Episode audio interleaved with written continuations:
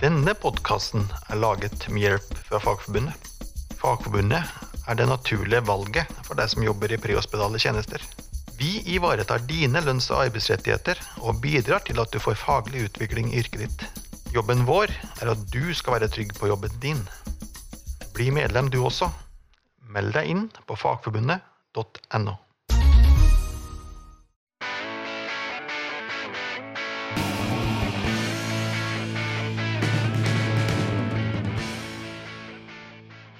Hei og hjertelig velkommen til en ny episode av podkasten Du puster for fort.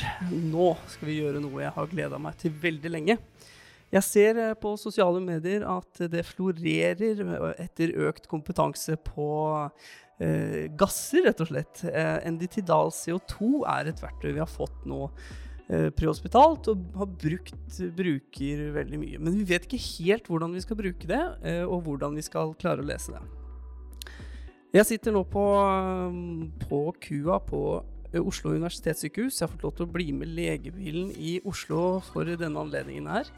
Eh, mannen jeg skal prate med i dag, er for så vidt en, en travel mann og vanskelig å få tak i. Så jeg måtte stille opp og rett og slett bli med han på, på vakt i dag. Eh, så det kan hende at det piper i løpet av eh, denne podkasten. Men da må vi fortsette. Du, jeg sier hjertelig velkommen til deg, Per Olav Berve. Takk skal du ha. Du er eh, I dag så er du lege på NNI i Oslo, Det er riktig. på legebilen. Du er utdanna anestesilege. Eh, du jobber også på Sea King-helikopteret på, på Rygge. Ja. Eh, og har tid også som trykktanklege eh, Ja. her oppe. ikke? Stemmer. Jo. Er det noe mer, da? Forsker? Ja, forsker litt Du på hjertestans, kanskje. Bør nevnes. Ja. ja, ekstremt engasjert i uh, prehospital medisin, og kanskje spesielt da hjertestans, som du forsker på. Ja da. Du, vi skal prate om uh, Enditidal CO2. Det er spennende. Det er jo du eh, Ja, kollegene dine sier at du er en ekspert på det. hva, hva, hvorfor er interessen der? Nei, eh, generelt så er det jo et eh, spennende tema, fysiologi og medisinsk sett, eh, og særlig akuttmedisinsk. Eh, men så har det også dukka opp eh, eh, i løpet av forskninga vår eh, forhold som har med måling av det å gjøre, og forhold som har med bruken av det rent vitenskapelig, eh, som kan være litt forvirrende og kompliserende. Eh, som vi kanskje kan få rydda litt opp i i dag. Ja, ikke sant? Du, vi har vel egentlig en plan på å lage rett og slett eh, tre episoder, vi. Um, vi skal ta for oss nå fysiologien først, og så har vi planen om å lage på både verdier eh, og hvordan man skal lese både kurve og verdier. eh, og så hvordan man kan bruke entitidal CO2 ved hjertestans. Ja. Hvordan man kan bruke det aktivt. Um, og da, Vi starter egentlig på fysiologien her, da, Per Olav. Um, fysiologien bak endetidal CO2, helt basic, hva er målingene? Hva er det vi får for noe? Ja, det du får, er en vurdering gjort av eh, måleapparatet ditt på CO2 Om det er CO2 i lufta som pustes ut, og eh, i moderne apparater mengden CO2 som pustes ut per pust. Ehm, og CO2 er en veldig interessant markør eh, på veldig mange måter. Først og fremst fordi den forteller oss om hvor lufta som kommer ut av pasienten, har vært.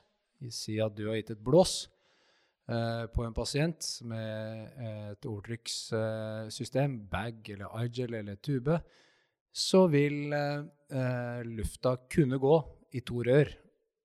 Og det er da spiserøret eller luftrøret. Og har lufta vært i luftrøret, så vil det komme CO2 tilbake. Har den vært i spiserøret, så vil det kunne kortvarig, i løpet av to-tre blås, komme litt grann CO2, særlig hvis pasienten har drikket brus eller noe. Dette er sånn vanlig forvirring.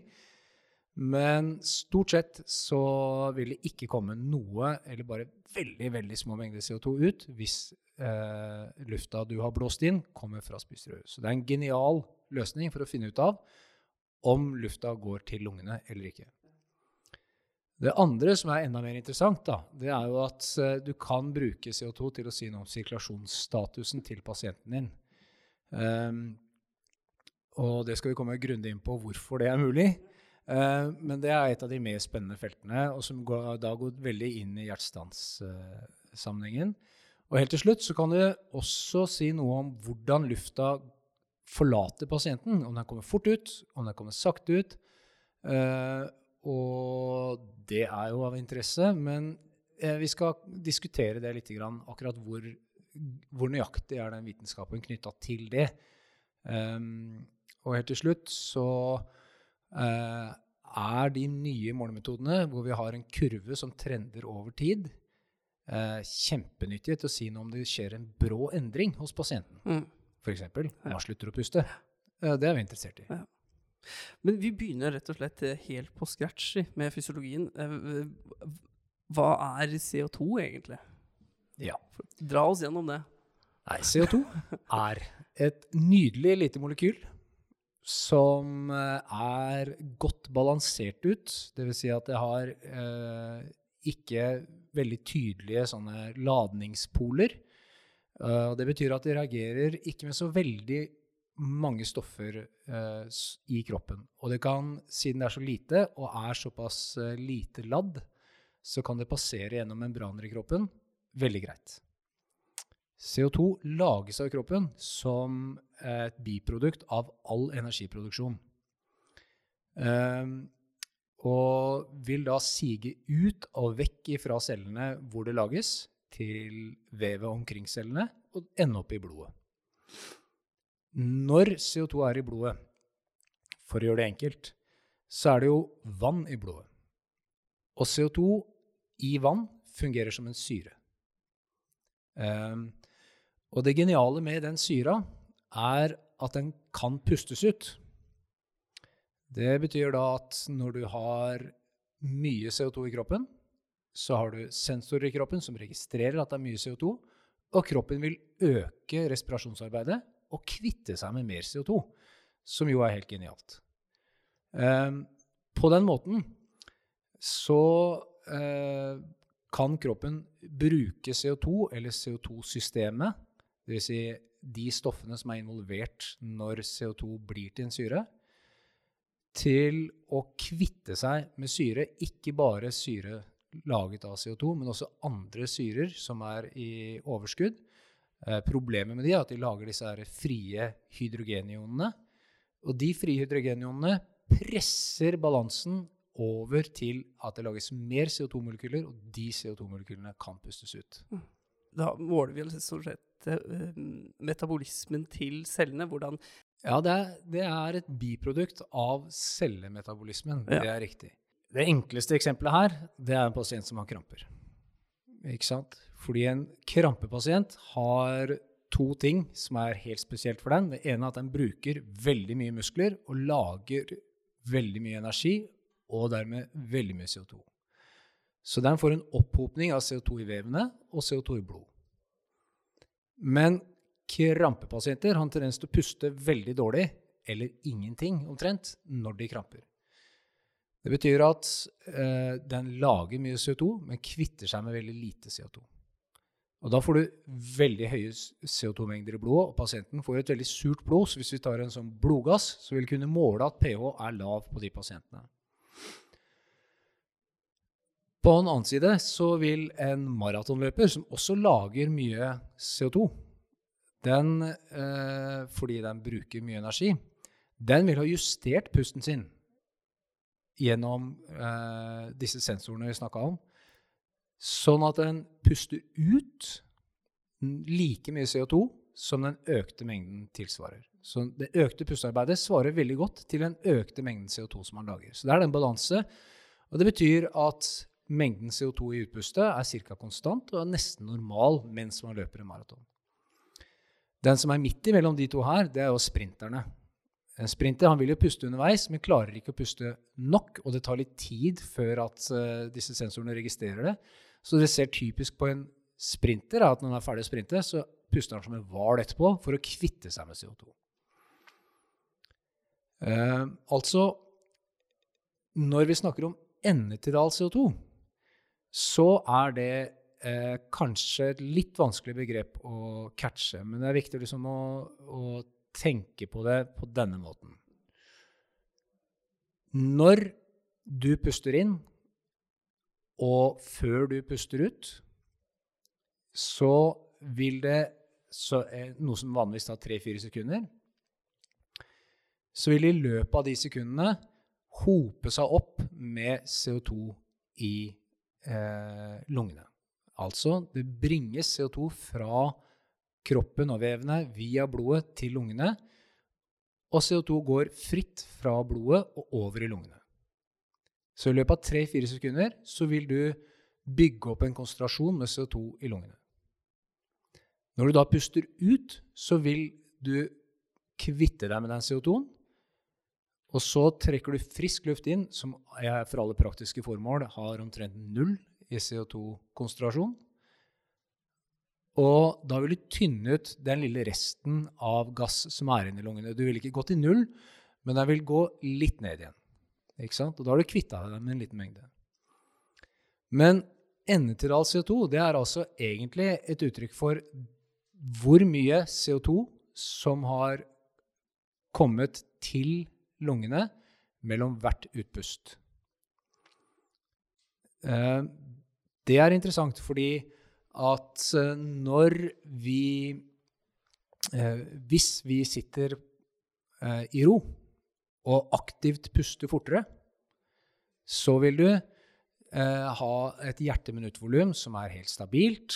Du lager ikke noe mer CO2. altså Du bringer like mye CO2, CO2 til lungene per tidsenhet, eller mellom to utpust. Men hvis du puster fortere, så rekker du ikke å fylle på så mye mellom. Og I tillegg så tynner du ut litt ekstra for hver gang.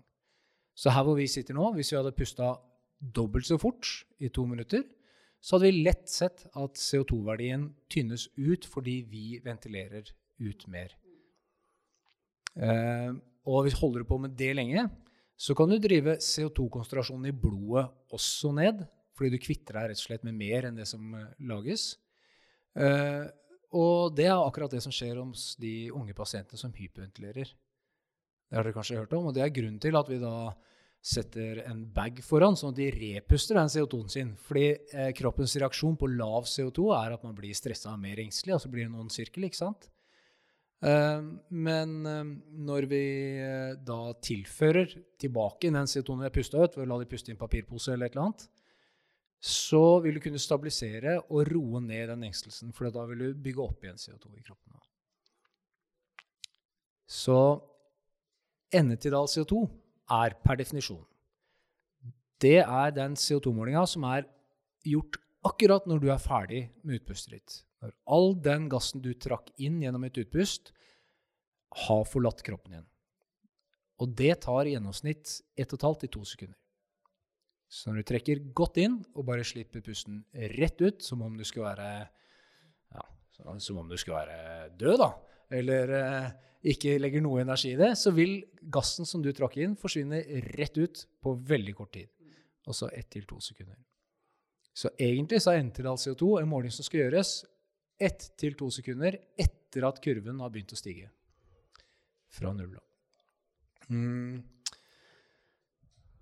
Hvilke, hvilke, spesielle tilstander er det så på en måte Hvordan kan man aktivt bruke endetall CO2, f.eks. da med neskaterte? Vi snakker ikke om intuberte pasienter, da. Mm. Uh, men hvordan kan jeg i hverdagen min praktisk uh, bruke, um, bruke endetall CO2, endetidal CO2 som, som, et verktøy, tilleggsverktøy til, i tillegg til klinikken min? Ja. Nei, det, vi var så vidt inne på det i stad, da. Ikke sant? At uh, du kan først bruke det til å se hvor gassen har vært den. Og det betyr at alle pasienter hvor du er i tvil om uh, respirasjonsfrekvensen, om de kommer til å tåle f.eks. en dose morfin, eller uh, kanskje en hodeskade eller noe som gjør at du lurer på hvordan de egentlig puster, så er det helt genialt å koble på en eller annen form for CO2-måling. Fordi hver gang utpustet ditt dominerer målepunktet, eller der hvor det CO2 suges inn, f.eks. på sånn nesekanyle, så vil jo den fange opp CO2. Og vil kunne gi deg et svar på om pasienten har pusta ut denne gangen, og slutter den med det, så er det faktisk et signal som vil gi deg en alarm på maskina di lenge før metninga ute på fingeren begynner å falle. Ja, for det er et viktig punkt. Ja. CO2 ser det med en gang, men metningen det tar, kan ta lang tid før, før, du vil få et metningsfall uh, når du har en respirasjonsdepresjon. For oksygen så er det annerledes. ikke sant? Oksygenet som vi måler, og måten vi måler oksygenering på, er jo at vi har trukket oksygen inn, og da er det jo eh, 20% oksygen i den lufta som er trukket inn. Hvis ikke du gir oksygen, da kan det være opptil 100% i den lufta som trekkes inn. Og blodet som kommer til lungene da, vil fange med seg oksygen ut til fingeren lenge ganske lenge etter at pasienten har slutta å trekke pusten, så vil blodet kunne ta med seg oksygen fra lungene, for det står oksygen i dem, og drive det ut til fingeren, som du får en perfekt måling på. Eller en grei måling mm. på. Mens CO2-alarmen kan ha gått for 40 sekunder siden, f.eks. Så det er en veldig fin måte å bruke CO2 på, eh, og en, av, en, etter min eh, mening en av de viktigste. Um, så hadde vi det vi snakka om i stad, nemlig at når du overtrykksventilerer, så kan man være i tvil om pasienten eh, får luft i magen eller i luftveiene. Det er en genial måte å finne ut på. Eh, og særlig hvis du har plassert noe ned i luftveiene, f.eks. en tube, eh, altså en endotrakealtube, så vil den eh, også ha behov for å Eller så er det genialt å kunne se om den uh, lufta som kommer ut Allerede på første blåset som du gir, så vil du kunne få et svar om det er CO2 som kommer ut, om det er en bra mengde. Er du i tvil om det er en bra mengde som kommer ut, så må du være veldig obs. fordi hvis den faller rett i null etterpå det, så kan det allikevel være at den står i spiserøret.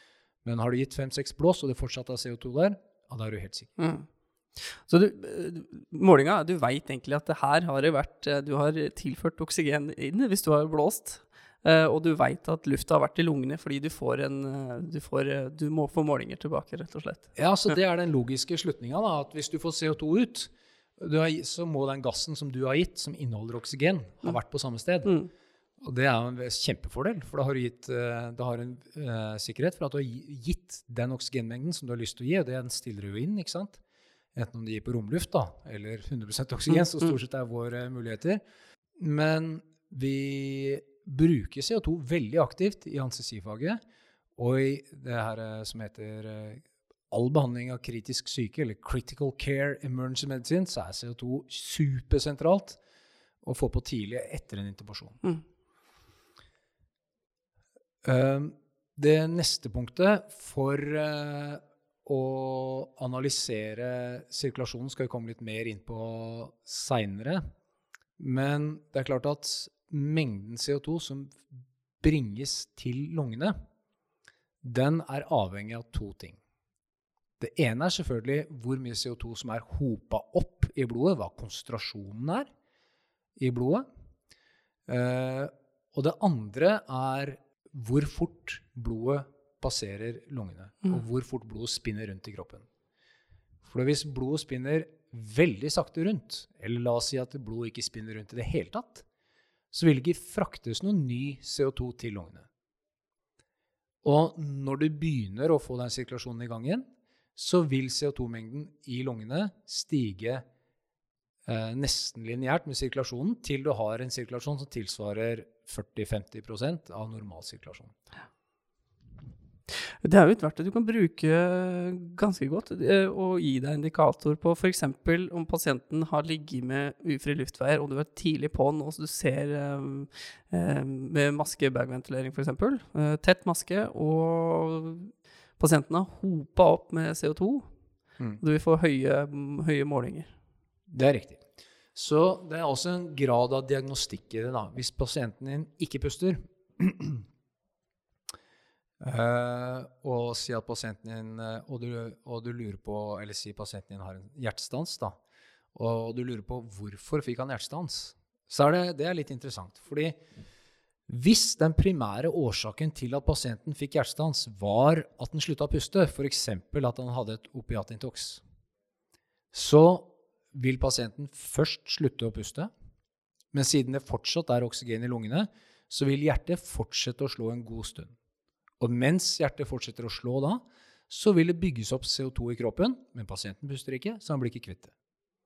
Det betyr at når du kommer til og gir et blås på den pasienten, så vil den første CO2-målinga du får ut, være høy. Så sant. Eh, fordi det, det, vil da være at det har hopa seg opp i lungene og sånn. Hvis den da går nesten veldig raskt ned til null, så kan du anta at sirkulasjonen heller ikke er spesielt bra. Det burde du kanskje ha oppdaga. Men det betyr at den første målinga du gjør, hvis den er veldig høy, så er det veldig høy på våre målinger. Det er en måling på kanskje minst 6, 7, 8, 9, 10, 11, 12 kilopascal. Det er høye målinger. Og det kan gi deg en klar indikator på at pasienten hadde sirkulasjon etter at han slutta å puste. Altså det er en respiratorisk stans. I motsatt fall, hvis den, de to-tre første blåsa er sånn halvhøye, og så går den ned til en ganske lav verdi, så kan du anta at her er det sånn at den pasienten her slutta hjertet å slå før pasienten slutta å puste. Og da vil du ha den motsatte effekten, at du vil kunne enten begynne lavt, eller at du har en halvhøy verdi som går veldig raskt til null. Kjenner du disse spillereglene, så kan du allerede der få en klar indikasjon på hvor, eh, hvorfor min pasient har hatt hjertestans. Så det kan brukes diagnostisk på denne grove måten her også. Eh, og helt til slutt, da, hvis du da har en pasient som har, har CO2, ikke sant? men det er veldig lave verdier, type 1 kilopascal, 1,5 kilopascal, et eller annet Og er selvpustende? Nei, nei, ja. vi, nå sier vi at det er denne stanspasienten, da. Så er jo det en indikasjon på at eh, det var ikke en primært respiratorisk stans. Det er vi enige om, for da hadde den vært veldig høy. Og det kan kanskje ikke tyde på at det er en ren rein hjertestans selv, men at noe annet gjør at blodet ikke går rundt så fort som det burde gjøre. Og da, Hvis du da driver med hjerte-lungeredning, så kan det selvfølgelig være at uh, din pasient har en uh, uh, dårlig hjerte-lungeredning. Og det må korrigeres med en gang.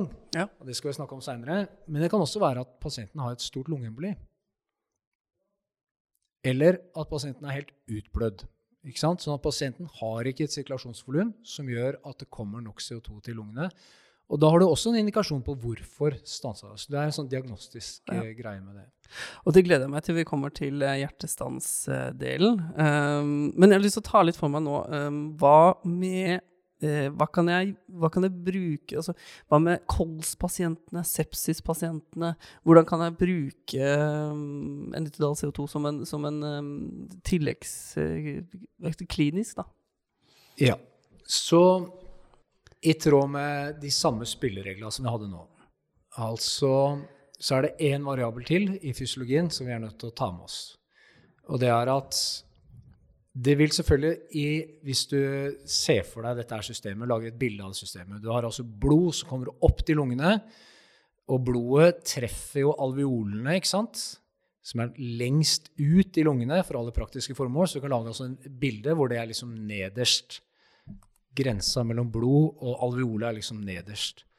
Over der så vil det gå luftrør oppover mot munnen, eventuelt mot eh, endotrakealtuben som vi har putta nedi der, eller gelen. Og da er det klart at konsentrasjonen, eller partialtrykket, som vi liker best å kalle det, av CO2, vil jo være høyest helt nede ved overgangen mellom blod og lunge. Så i alveolene så har den høyeste partialtrykket av CO2. Og så er CO2 en gass som har disse egenskapene at den beveger seg så utrolig fort at oppover i luftrøret så vil konsentrasjonen eller partialtrykket av CO2 være veldig likt alveolene. Men når vi kommer helt opp øverst i eh, luftrøret, og særlig oppover i trakealtuben eller oppover i argelen, så vil eh, CO2-mengden være litt tynna ut.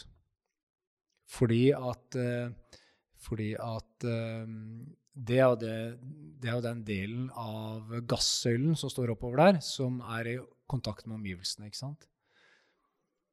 Uh, og det betyr at en normal CO2-kurve, den vil, når du trekker pusten inn, gå til null.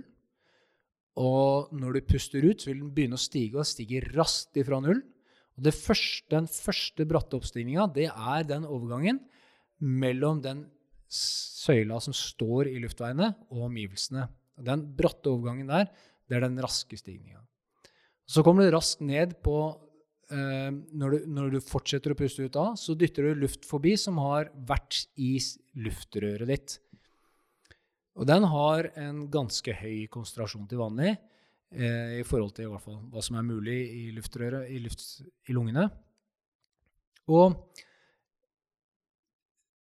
så er det sånn at jo mer du puster ut, jo dypere ned i lungene har gassen som du puster ut, er. Og siden den er litt høyere jo lenger ned du kommer, så vil du få en svak stigning bortover til du er ferdig å puste ut. Og så, når du trekker pusten inn igjen, så går kurva bratt ned til null igjen. Det betyr at den høyeste målinga den er på slutten av den svake stigninga, det vi kaller det alveolære platå. Og det heter det alveolære platå fordi man tenker seg at den gassen som måles på det tidspunktet, er den som har vært nærmest alveolene. Eh, eller lengst ned i lungene. Så den målinga vi velger å bruke, er den som skal være når du er akkurat ferdig med å slippe lufta ut, altså endetidalt. For et tidalvolum det er jo da det volumet som er, som du har trukket inn og pusta ut igjen. Da er du ferdig med en tidalsyklus, og vi kaller det volumet du har jobba med da, et tidalvolum. Så det blir da endetidal CO2.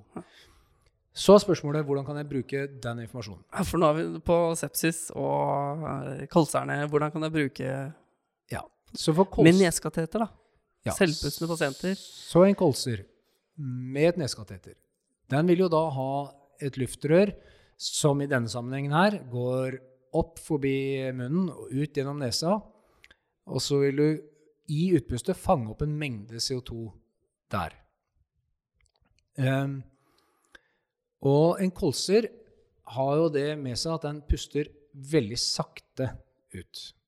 Det betyr at øh, den har et forlenga ekspirium, og den pasienten har en evne da til å holde igjen litt av den alveolære lufta. Det betyr at når du entrer det alveolære platå, så er verdien ikke så veldig høy. Men i løpet av det alveolære platå så stiger den mer enn den stiger hos oss. Uh, og grunnen til at den stiger, er at det fylles det går så sakte at den rekker å fylle på mer CO2 nedenifra enn det vil gjøre hos oss. Så det er to ting. Det ene er at alveolære blir lengre, for det går treigere. Og det andre er at eh, når det går treigere, eh, så rekker du å fylle på mer nedenfra lungene og opp. Så de får en, de får en kurveform med et brattere alveolært platå, og det er såkalt kalt en haifinneform. Mm. Og de skal vi gå gjennom uh, litt uh, seinere også, i, i neste podkasten. Ja. Eh, hva med sepsispasientene, da? Eh, kan man se noen tidlige tegn, eller kan man se noen tegn på at uh, dette er sepsis utenom den, den klinikken du, du, har da, i ambulansen, med å bruke, bruke endital CO2? Ja. Så, der er det, så i motsetning til den haifinneformen, som ikke er spesielt godt forska på for uh, å liksom uh, slå fast hvor klinisk nyttig den er, da, det er jo sånn at En kolspasient vil veldig ofte kjenne igjen på veldig mange mm. andre kriterier enn akkurat det. Men men sepsispasienter det er faktisk undersøkt. Og der har man sett at sepsispasienter har en tendens til å ha lavere enteral CO2 enn andre pasienter. Og enteral CO2 hos en alvorlig sepsispasient har en tendens til å krype under 2,5 kilopascal, kanskje enda lavere. Mm. Så er spørsmålet hvorfor det? For det er nemlig ikke helt intuitivt. En sepsispasient er ofte sur i blodet. Det betyr at den har flere CO2-molekyler enn det jeg, jeg, du har når vi sitter her og prater nå. Men Så du vil egentlig forvente at den er høyere? Så man vil egentlig forvente en høyere CO2-verdi hos en sepsispasient. Problemet er at øh, øh, en sepsispasient puster fort og noen ganger veldig fort. Så det er et annet kriterium vi bruker for å identifisere sepsis. Det er hvor fort pasienten puster. ikke sant? Det betyr at én grunn til at CO2 blir lavere, er at den puster fort.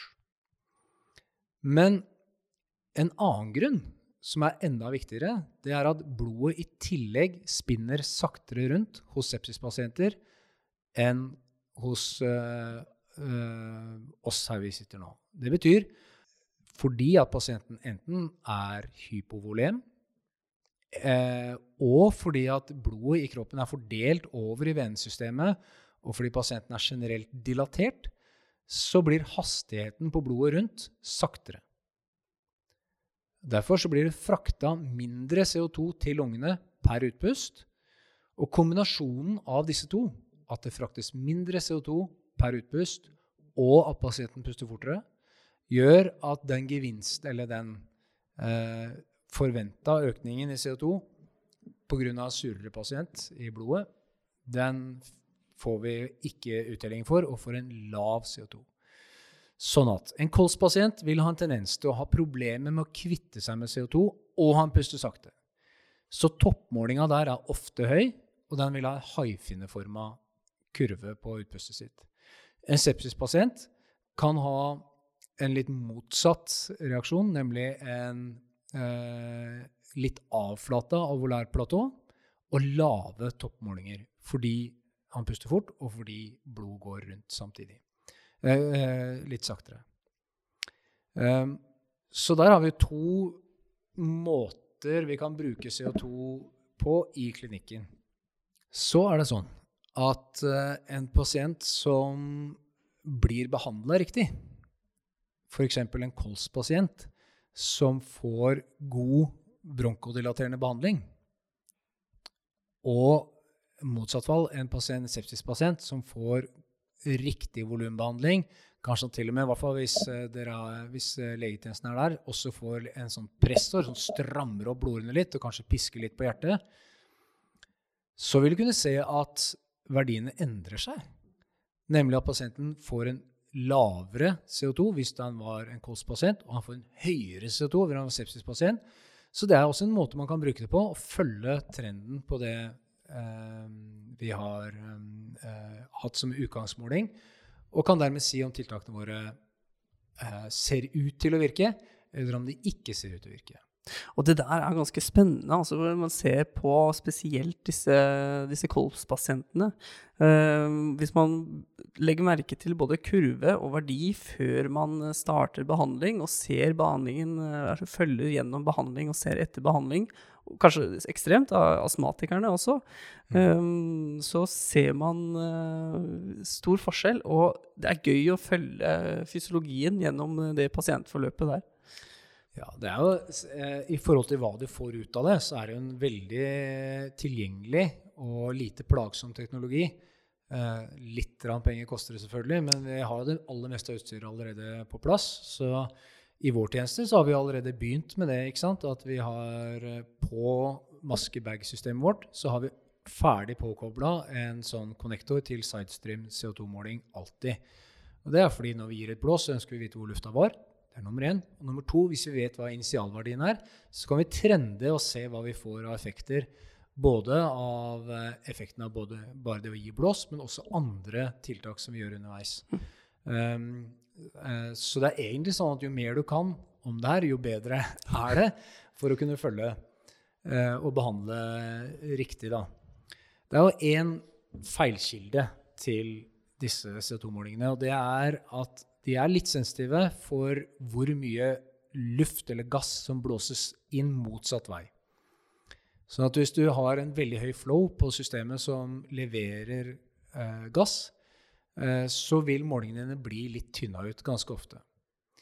Eh, men så lenge pasientens utpust får lov til å dominere målepunktet, og her er det masse ting man kan gjøre med å optimalisere systemet sitt. Du kan ha tett maskebag, du kan sørge for at uh, brillekateteret sitter godt opp i nesa. Sørge for at pasienten ikke bare puster gjennom munnen, men også at det også kommer gjennom nesa. Hvis han bare puster med munnen, ja, sett den i munnen, da.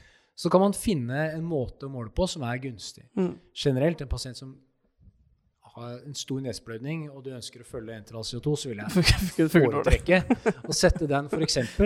på, på eh, svelgtuben ikke sant? hvis du overtrykksventilerer, eller noe i den stilen her. Da. Det er viktig at man fanger opp der hvor CO2 går ut. Men så lenge CO2 fra pasienten får lov til å dominere målepunktet, så vil det være pasientens CO2 som kommer på skjermen.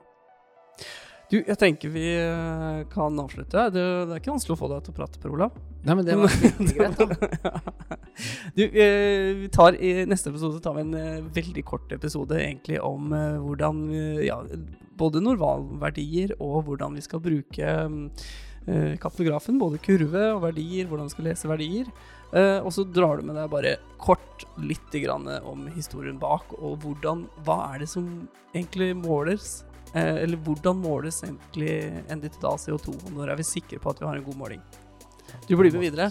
Jeg blir med. videre. Koselig.